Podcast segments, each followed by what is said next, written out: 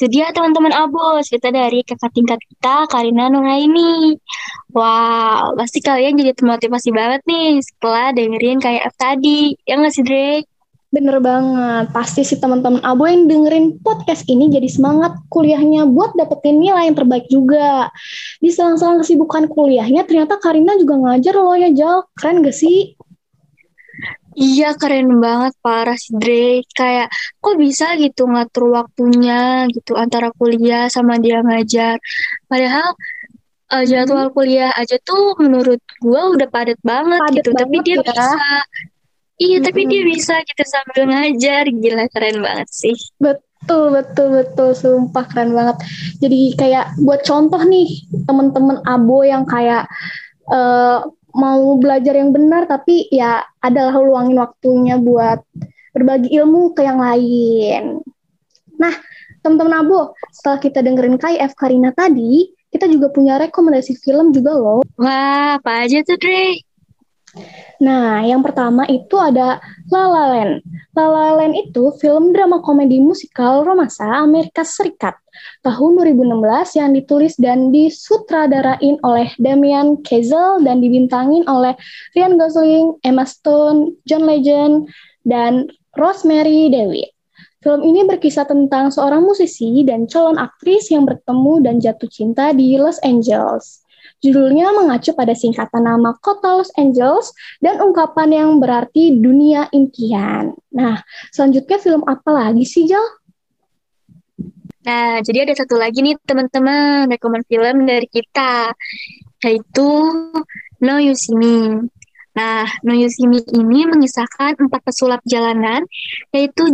Daniel Atlas, Merit MC Kinney, Henley Rivers, dan Jack Wilder. Nah, mereka ini mendapatkan panggilan misterius ke sebuah alamat yang tidak jelas dengan kerahasiaan di dalamnya. Nah, setahun kemudian, mereka tampil sebagai Four Horsemen pada sebuah pertunjukan di Las Vegas. Nah, gimana nih teman-teman rekomen film dari kita? Pasti seru banget kan? Pasti bakal masuk ke playlist movie maraton kalian kan nantinya. Betul banget sih, pasti ya bakalan masuk lah ke list maraton kalian. Nanti nonton barengnya, bisa nonton bareng teman, keluarga, atau yang punya pacar bisa banget nih sama pacarnya. Tapi Betul. yang nggak punya pacar, jangan sampai sama pacar orang sih. Aduh. Aduh, ada-ada aja. Oh iya nih, kita juga punya rekomendasi lagu, Dre. Mau tahu gak? Tuh, lagunya. Oke. Jadi eh, rekomendasi lagu dari kita itu lagu Falling da- yang dinyanyiin oleh Harry Styles. Nah, jadi ini lagu tuh emang enak banget sih, jujur. Parah-parah, emang enak banget sih lagunya Falling ini. Nah, nah buat kelengkapan lagunya udah kita taruh di playlist Spotify-nya Himabo loh. Jadi jangan lupa dicek ya. Nah, ayo guys, cek-cek langsung ya ke Spotify Himabo. Betul, betul, betul. Oh iya. Oh iya nih, buat teman-teman semua, jadi tuh setiap di akhir podcast kita, kita tuh bakalan selalu ngadain kuis loh. Nah, jadi pastinya juga bakal ada hadiah menarik nih. Ya nggak sih, Dre? Bener, apa sih hadiahnya? Boleh sih, boleh nggak sih? Hmm, buat caranya dikasih tahu Jal. Boleh banget. Nah, jadi cara cara apa dulu nih, Dre? Cara jawabnya dong. Kan ada hadiahnya tuh. Oke, jadi cara jawabnya itu gampang banget nih. Jadi kalian tuh eh, cukup DM aja nih ke IG Himabo dengan format nama, kelas, dan angkatan sama jawabannya. Nah, yaudah nih, kita langsung aja kali ya ke soalnya. Boleh nih soal pertama dibacain sama Audrey. Oke, terima kasih Injal.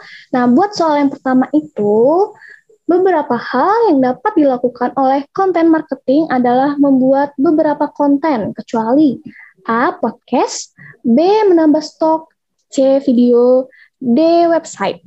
Nah, buat soal yang kedua, boleh nih dibacain oleh Injal. Oke, thank you. Oke, Iya. jadi soal yang kedua itu dengerin nih baik-baik guys.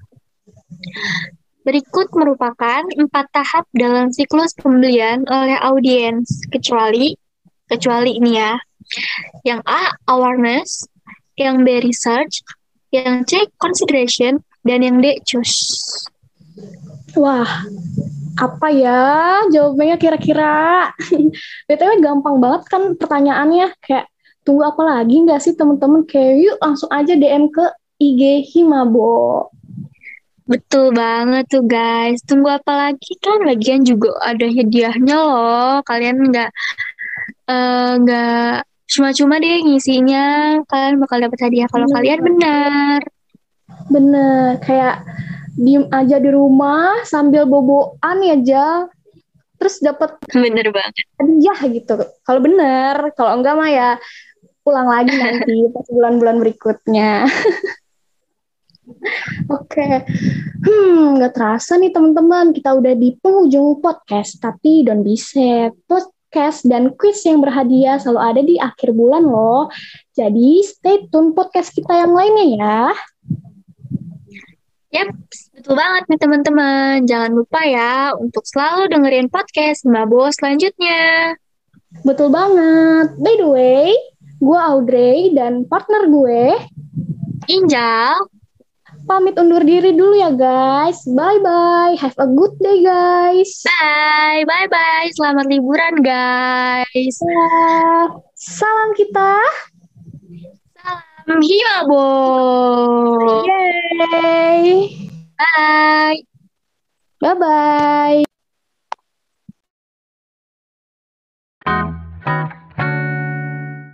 Assalamualaikum warahmatullahi wabarakatuh. Selamat malam Karina. Selamat malam. Sebelumnya mau ngucapin selamat nih ke Karina, udah jadi lulusan terbaik angkatan 2017.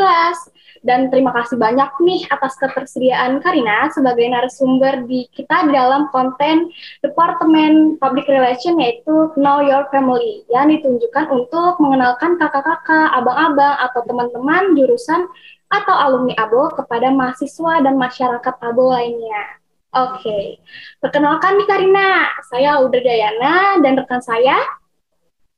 Saya Safina Nabila Ramadhani. Nah, dari Departemen Public Relation Himabo. Hai hai Karina, apa kabar nih sebelumnya? Kabar baik juga Kak? Iya, alhamdulillah baik. Terima kasih ya atas apresiasinya udah ngundang aku ke sini gitu kan untuk berbagi cerita uh, seputar kegiatan administrasi bisnis otomotif dan kegiatan lainnya. Oke. Okay. Sebelumnya boleh nggak sih Karina nih kita per, uh, Karina perkenalkan diri dulu. Boleh kali Kak. Oke, okay, sebelumnya aku kenalin nama aku dulu ya. Namaku udah tahu kan namaku Karina. Uh, eh namaku Rina gitu bisa kalian panggil Rina gitu kan nah terus aku tinggal di Jakarta Utara uh, dan aku angkatan 2017 oke okay. nah kita masuk ke sesi pertanyaan aja ya kali kak Oke, okay, santai aja kali ya, nggak terlalu tegang ya. banget. Aku kayak iya, wawancara. Iya, Kak, relax aja kita, Kak, relax. Jadi, nah, by the way nih, Kak, mau nanya dong, Kak boleh spill dikit gak sih Kak, kemarin IPK-nya berapa sih sampai dapat predikat cum laude dan IPK tertinggi di jurusan ABO? Sebenarnya kalau menurutku sih nggak terlalu tinggi ya karena IPK aku cuma 3,86 masih ada yang tertinggi sampai 39 Aduh. gitu loh. Kalau menurut sih menurut aku sih nggak terlalu tinggi maksudnya ya biasa gitu. Karena aku pribadi juga ngedapetin IP 3,86 nggak yang benar-benar semuanya diperjuangin gitu karena banyak kegiatan dan lain-lainnya. Jadi Ya, alhamdulillah. Mungkin berkat orang tua sih doa orang tua itu. Eh, iya, kayak Allah. Sumpah, 3,86 itu gede banget ya, mungkin parah. Ya, kita aja pengen banget, Kak. kita aja pengen banget ini kayak tuh. Enggak kok, biasa aja. Itu uh, eh, IPK-nya tinggi loh, Kak. Uh, terus aku mau tanya juga dong, uh, prestasi apa aja sih yang udah pernah Karina Rai gitu baik di bidang akademik maupun non akademik Ya mungkin kalau di bidang akademik dari dapat IP tertinggi ini, terus kalau yang di non akademik itu aku pernah dapat penghargaan uh, dari Bappenas dalam kegiatan perencanaan kayak gitu, kegiatan di bidang industri sama kegiatan aku juga dulu himabo, terus aku dapat pengurus terbaik. Mungkin itu sih penghargaan. Keren-keren kak. Iya, makanya aku pernah kayak kalian masih hmm. jadi pengurusnya gitu. Dulu divisi apa tuh kak, kalau boleh tahu? Dulu aku di divisi litbang, aku jadi kepala departemen akademik. Wow. Oh, keren. Oke, okay. Karina, next ya. Iya, iya kenapa? Uh, ini dong kak, mau tips and triknya uh, untuk teman-teman abo nih untuk dapat IPK tertinggi dan mendapatkan predikat sekaligus. Boleh spill spill dikit. Uh, oh, uh, paling tips and triknya itu yang pertama nih untuk kita semua teman-teman mahasiswa untuk adik-adik semuanya. Satu sih ketika kita mampu kita tuh jangan pernah pelit ilmu ataupun berbagi-berbagi ilmu gitu. Uh, ya nggak apa-apa lah sesekali bagi-bagi contekan kalau misalkan kita emang lagi bisa dan lain-lain. Tapi nggak cuma kasih contekan doang, kita juga harus bertanggung jawab atas contekan itu. Contohnya kayak ngadain uh, apa ya kayak tutor sebaya gitu. Biasanya tuh aku sama teman-teman abu satuku dia itu kayak suka bikin sebelum pulang ada tutor sebaya ngajarin gitu-gitu tukar tukar menukar. Dengan kita kegiatan itu jadinya bisa uh, nempel lagi ke kita dan gak terlalu berat untuk belajarnya. Intinya saling berbagi aja sih kalau untuk ilmu, jangan pelit. Bener banget nih. Teman-teman Abun, buat yang dengar, bisa dicatat jangan bagi jangan pelit-pelit ilmu ya nggak sih Karina? Iya, iya benar-benar. Kayak terus juga jangan jangan pelit-pelit ilmu. Kayak cuma baiknya ke teman ke teman dekat doang gitu. Kayak ke orang lain gitu. Kayak kakak tingkat atau adik kelas yang baru ikut kelas kakak kelas. Kita jangan jangan deh jangan pelit kayak gitu gitu. Saling berbagi aja kalau emang bisa dibagi kayak gitu. Tuh. Uh, selanjutnya aku mau tanya nih Kak, gimana sih caranya Karina untuk seimbangin aktivitas kakak antara kuliah dengan kegiatan atau kesibukannya Karina setiap hari gitu Kak, sehari-hari? Boleh dijawab? Oke, makasih ya pertanyaannya. Mungkin kalau dari aku tuh uh, lebih ke arah melakukan kegiatan perencanaan ya. Jadi aku pasti ada yang dikorbanin kan. Yang jelas yang dikorbanin tuh waktu nongkrong nongkrong sama teman-teman. Mungkin nggak punya waktu untuk main bareng atau gimana. Uh, tapi kalau untuk ngebagi antara kuliah sama aku kan kebetulan ngajar selama ini selama kuliah. Jadi ngebagi waktunya itu kayak uh, pagi kalau kuliahnya pagi ngajarnya so siang atau sore. Kalau kuliahnya agak siang atau sore kita balik ngajarnya pagi kayak gitu. Lebih ke arah uh, utamain prioritas sih sebenarnya. banget Karina udah ngajar juga ya. Ya, kebetulan aku dari dari awal masuk kuliah kan udah sempat ngajar, jadinya uh, bagi waktunya itu kayak uh, pagi-pagi. Kalau misalkan kuliahnya pagi dulu berarti pulang ke kampus eh, pulang dari kampus aku langsung pergi ke tempat les ngajar gitu. Misalkan ngajar dari jam 3 sampai jam setengah enam atau dari jam 1 sampai setengah enam.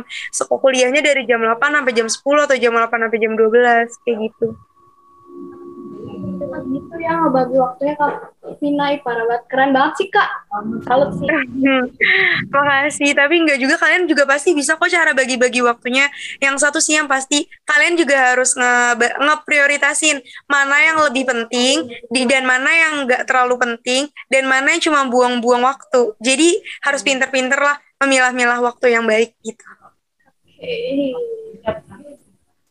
Oke. Okay. Karina, lanjut ya ke Iya iya iya. Nih, mau tanya dong Kak, mempertahankan mempertahankan nilai Karina tuh gimana sih biar nggak turun? Uh, kalau aku sih cara mempertahankannya kalau setiap apa ya ada kegiatan rutin sebelum ujian. Aku biasa kalau belum uji, sebelum ujian tuh nggak belajar Hamin satu atau Hamin dua, tapi aku biasanya belajar Hamin dua minggu. Jadi ketika wow. iya jadi kayak udah aku catat ini minggu ke berapa. Ujian itu biasanya kita ke minggu ke tujuh atau enggak ke minggu ke empat belas, iya nggak sih? Nah, aku tuh kalau udah dari minggu kelima, udah udah udah udah nyentuh minggu kelima nih ngerasa dari minggu satu sampai ke minggu kelima, terus kayak ah gila nih gue kayak nggak kayak sekitar tuh gak ada catatan apa pun gitu ya, belum rapi semuanya gitu. Kita nggak tahu nah di dua minggu itu tuh kita rapihin di setiap tiap matkul kan matkul kita nggak sebanyak sekolah ya, cuma ya paling nah dari situ dirapihin dua minggu terakhir eh, itu tuh kita sisa pengulasan. Nah pasti nanti dosen tuh ngasih kisi-kisi kan, dosen ngasih kisi-kisi, sisa kita stabiloin ke mana yang akan keluar. Kita pas di hari H atau dua hari sisa ngapalin deh, terus bisa bagi-bagi bisa bagi-bagi catatan ke teman-teman yang emang membutuhkan kayak gitu. Wah, ya berarti Karina belajarnya nggak SKS sistem kebut semalam ya, Vin?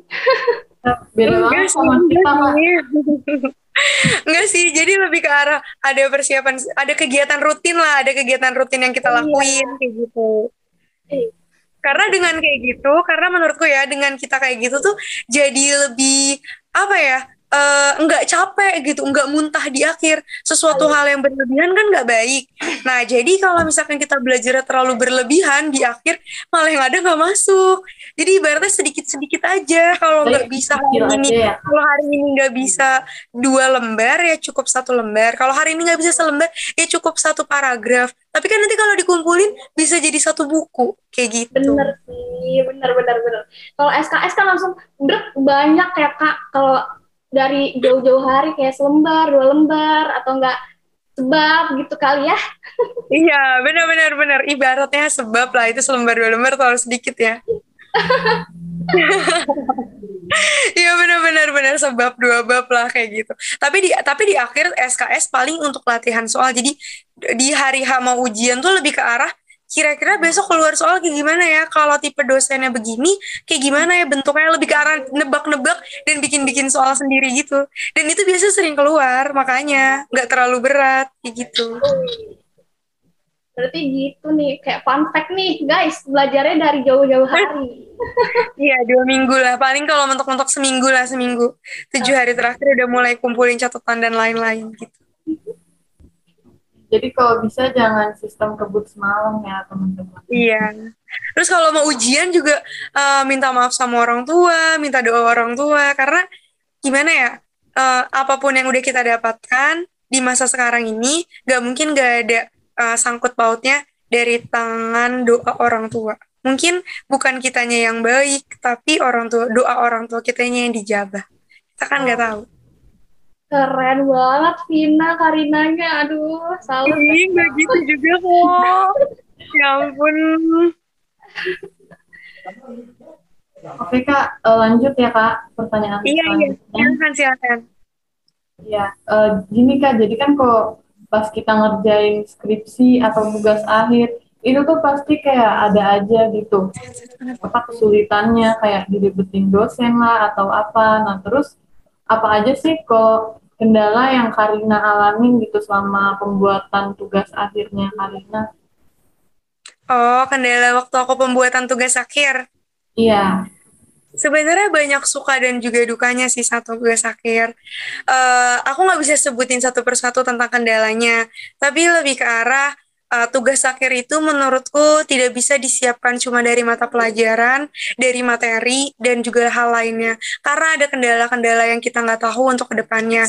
Jadi alangkah baiknya harus dikuatin juga dari mentalnya. Karena uh, tugas akhir itu kayak gerbang pertama yang menyadarkan kita kehidupan uh, setelah kehidupan setelah uh, selesai kuliah tuh bagaimana gitu. Dimulai gerbangnya itu mulai dari tugas akhir. Yang harus disiapkan menurutku mental dan juga hal lainnya. Terus kalau untuk suka dan dukanya, aku nggak bisa jelasin satu persatu. Tapi lebih ke arah uh, kalau sukanya lebih mengekspor dan lebih jadi rajin baca buku. Terus kalau dukanya tuh lebih ke arah uh, meng, apa ya memahami dan mengertikan karakteristik seseorang itu sih dukanya tuh lebih ke arah uh, sulit untuk mengetahui karakteristik seseorang atau uh, sulit untuk beradaptasi mengetahui uh, mengetahui seseorang yang berbeda karakteristik dan juga berbeda pendapat. Lebih ke arah ke sana dukanya sih kalau menurutku di tugas akhir karena yang ditempa itu di tugas akhir lebih ke arah mental kalau menurut aku. Kita juga harus kuat mental dan lain-lain. Benar-benar. Iya. Mental tuh harus kuat banget kalau ngerjain TA ya kak. Iya, pertama mental sih yang harus dipegang. Terus lebih ke arah jauhin lingkungan yang toksik gitu loh. Terus jauhin eh, lingkungan-lingkungan yang gak membuat kamu nyaman. Lebih kayak ke arah jadi diri sendiri dulu aja untuk mendingan untuk lagi skripsi itu kalau menurutku. Jadi diri sendiri apa adanya gitu. Jangan ya karena kalau mau mengikuti alur juga agak berat. Gak bisa banyak ngomong di tentang tugas akhir ini sih. Karena aku pribadi juga nggak bagus-bagus banget saat tugas akhir kayak gitu. Malah banyak orangnya. Aduh, emang Karina suka, kayaknya suka rendah deh. Enggak, bener jadi terbalik. Serius, serius kayak gitu kalau menurutku. Jadi kalau untuk tugas akhir sih suka dukanya itu. Lebih ya kayak kamu bilang tentang dosen dan lain-lain. Lebih banyak-banyakin berdoa, lebih banyak-banyakin tahajudnya kalau menurut aku. Karena mepet seseorang itu atau mepet dosen atau siapa pun gak bisa dari kita. Cuma Allah yang bisa membulak-balikan hati seseorang. Jadi kalau lagi mau tugas akhir, banyak-banyak berdoa, kurang-kurangin main, dan hal-hal maksiat lainnya lah. Kayak gitu. Oke. Eh, nah, by the way nih Karina, berhubung tadi ngomongin kendala ngerjain TA, eh, mau tahu dong gimana sih Karina mengatasi kendala-kendala tersebut itu loh? Oh, dari kendala aku misalkan kayak kesulitan kesulitan dari mengikuti uh, adaptasi lingkungan dan lain-lain, aku lebih ke arah menarik diri dari lingkungan. Saraku kayak gitu kayak me- apa ya? Kesulitan dari TA itu cara menarik diri dari lingkungan, fokus pada TA-nya, fokus dulu berhentiin semua kegiatan yang di luar uh, TA. Contohnya kayak ngajar juga aku diberhentiin dulu. Jadi fokus untuk benar-benar TA. Kayak TA tuh diutamakan. Karena perjuangannya harus totalitas, gak bisa kayak kuliah setengah-setengah. Kayak gitu. Itu waktu ngajarnya berapa bulan sih Kak? Apa cuma beberapa minggu aja? Apa? Maksudnya gimana? Eh, vakum nggak apa ngajarnya itu loh Kak. Kan Karina sempat ngajar kan? Iya. Vakumnya beberapa minggu atau beberapa bulan? Oh, aku vakum itu waktu mau masuk bab bab 1 2 bab 1 2 3 masih jalan, bab 4 5 6. Pas udah mau ke bab 4 5 6 kan udah lagi puncak-puncaknya skripsi itu ya. Lagi ngolah data, penyebaran kuesioner, bolak-balik ke perusahaan kayak gitu. Nah, dari situ kita harus lebih ke arah apa ya? Lebih ke arah eh, fokus dulu deh, fokus ke TA-nya kayak gitu. Oke, Kak. Eh, selanjutnya tadi kan Karina udah jelasin tuh suka dukanya dalam pengerjaan tugas akhir. Nah, sekarang aku mau tanya suka dukanya Karina selama menjadi mahasiswi di Politeknik STMI itu kayak apa aja gitu. Oh, suka duka aku di Politeknik STMI. Kalau sukanya sih jujur banyak banget pengembangan dirinya. Kalau menurut aku. Karena dari awal aku masuk kuliah di STMI ini tuh eh, pengembangan diri yang aku rasain gitu kan. Melakukan pengembangan secara kemampuan akademik maupun non akademik komunikasi gitu. Itu tuh sangat banyak banget dari uh, Politeknik STMI karena banyak organisasi yang bagus gitu. Contohnya kayak Himabu itu ng- ngubah banget seseorang. Terus juga di forum lembaga mahasiswa perindustrian FLMPI kayak gitu. Dari dari BEM kayak gitu. Dari situ tuh kita jadi banyak pengembangan dirinya. Terus itu lebih ke arah sukanya kan pengembangan diri. Dukanya itu uh, gak ada sih mungkin kalau untuk duka kesedihan dan lain-lainnya lebih ke arah apa ya? Nggak ada kayaknya kalau dukanya kalau menurutku kuliah jadi mahasiswa tuh menyenangkan. Karena sesuatu hal yang bisa semuanya kita explore apa pun. Menurutku kayak gitu lebih ke arah positifnya.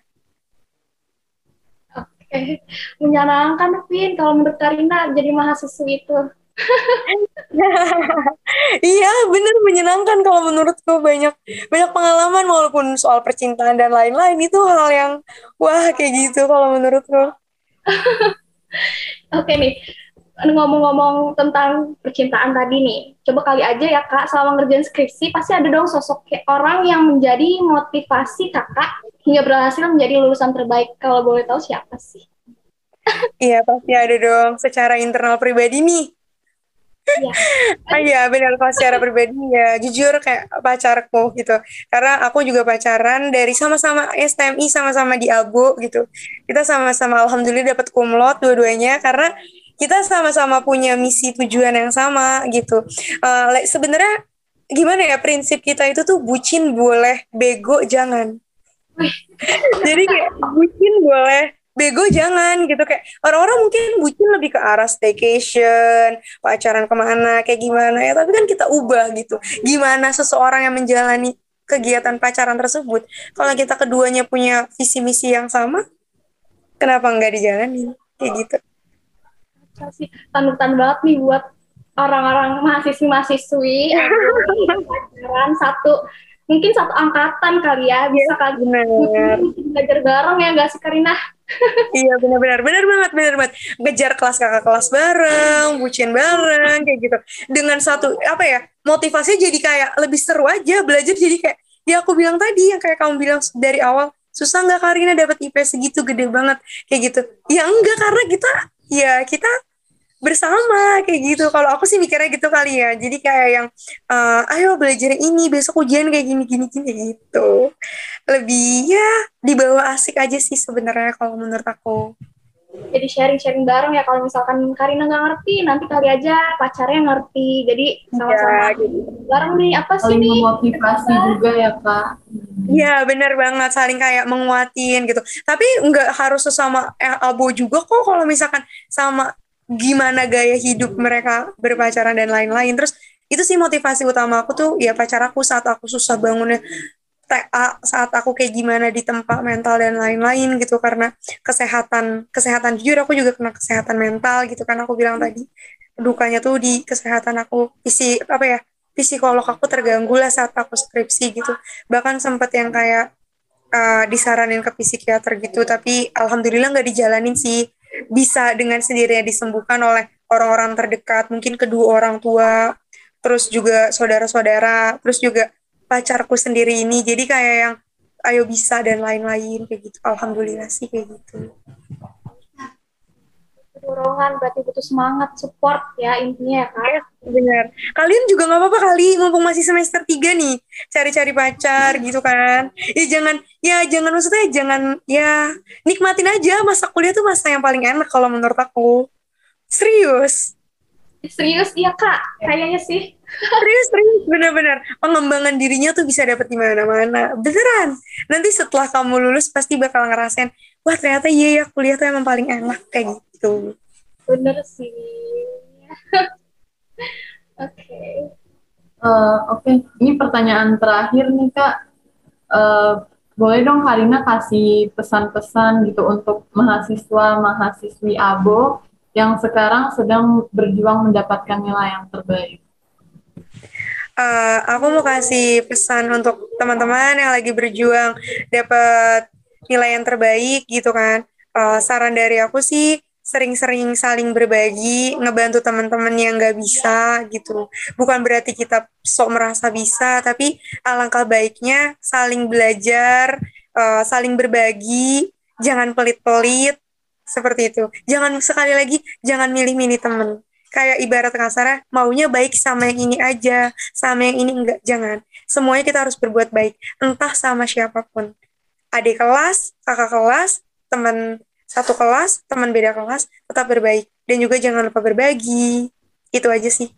Sama sering-sering sering-sering berdoa sama uh, rajinin belajarnya kurang-kurangin lah waktu nongkrongnya. Kalau menurutku tuh yang sesuatu hal yang nggak terlalu prioritas ya dikurangin kayak gitu. Boleh kerja sama dan lain-lain ketika nongkrong yang bermanfaat. Tapi ketika yang hanya sesuatu hal yang senang-senang and just happy gitu yang buang-buang waktu kurang-kurangin lah kataku mah seperti itu sih oke oke kak uh, tadi itu pertanyaan terakhir uh, wah terus kali ya Iya, udah. Pas ya, kerasa. Iya, nggak kerasa. Aduh. Nah, sekali lagi kita mau ucapin selamat buat Karina karena udah jadi wisudawan terbaik dan mendapatkan IPK tertinggi di jurusan Abo. Semoga Karina bisa menjadi motivasi bagi masyarakat Abo yang lain. Dan kita juga mau ucapin terima kasih banyak buat Karina karena udah menyempatkan waktunya untuk uh, hadir dan meluangkan waktunya di konten kita KYF. Kita doain semoga karir Karina uh, sukses terus ke depannya. Amin, amin, amin ya robbal alamin. Doain ya yang terbaik. Amin.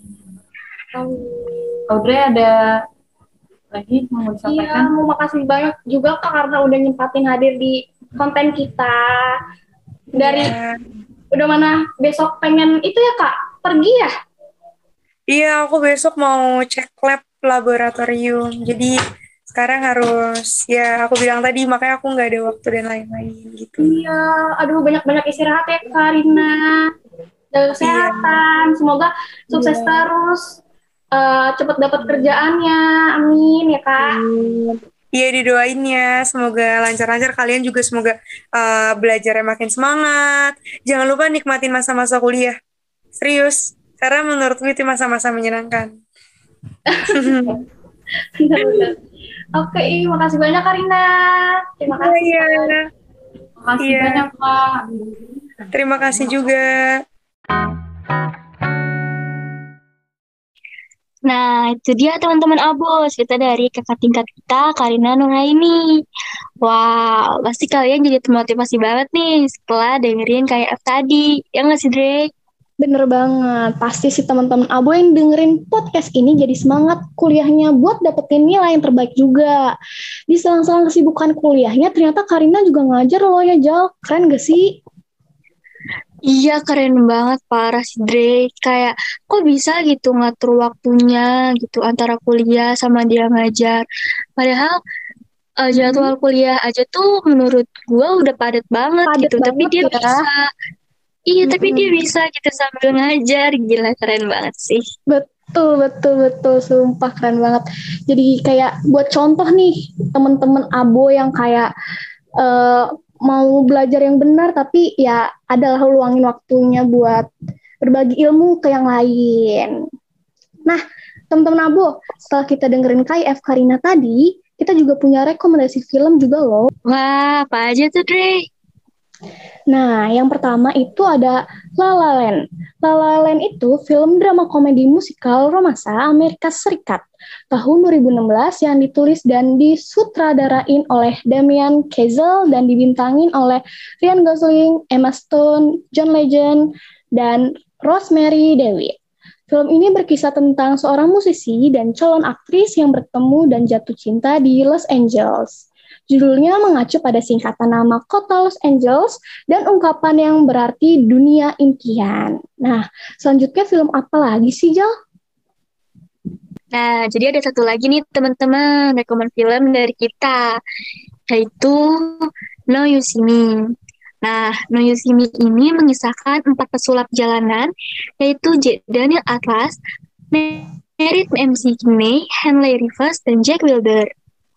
Nah, mereka ini mendapatkan panggilan misterius ke sebuah alamat yang tidak jelas dengan kerahasiaan di dalamnya.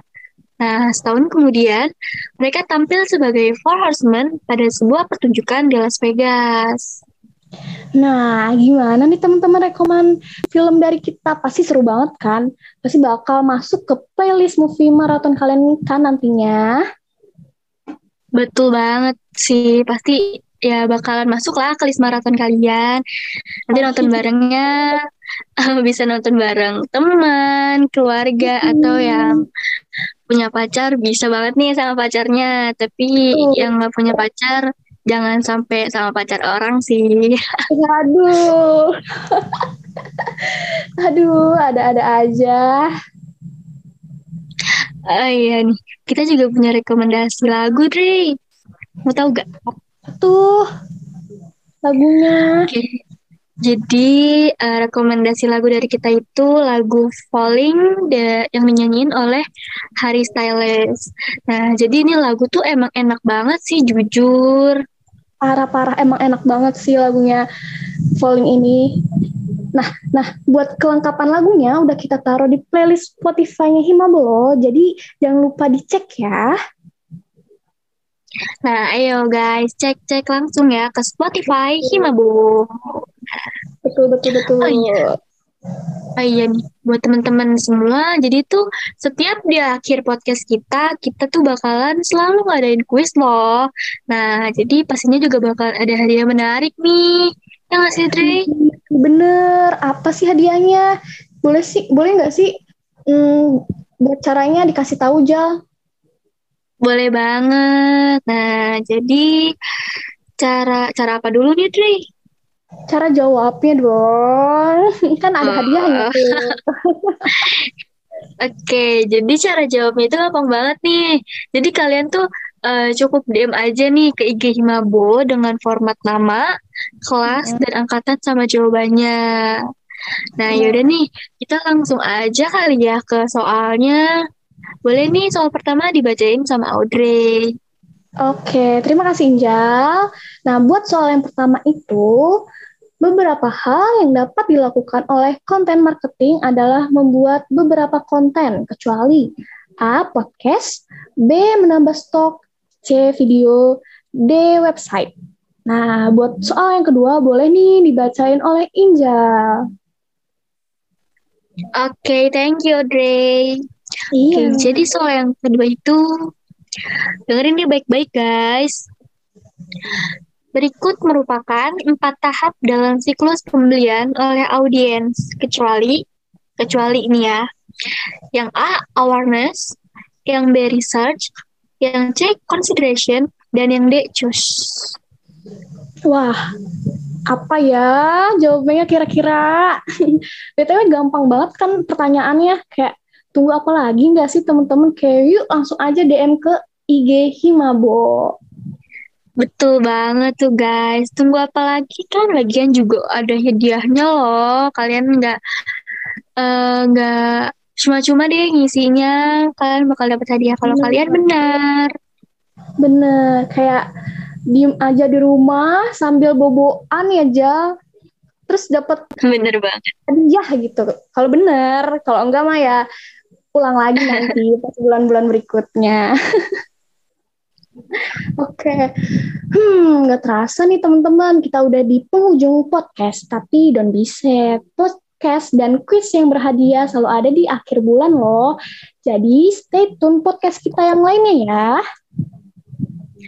Yap, betul banget nih teman-teman. Jangan lupa ya untuk selalu dengerin podcast Mabo selanjutnya.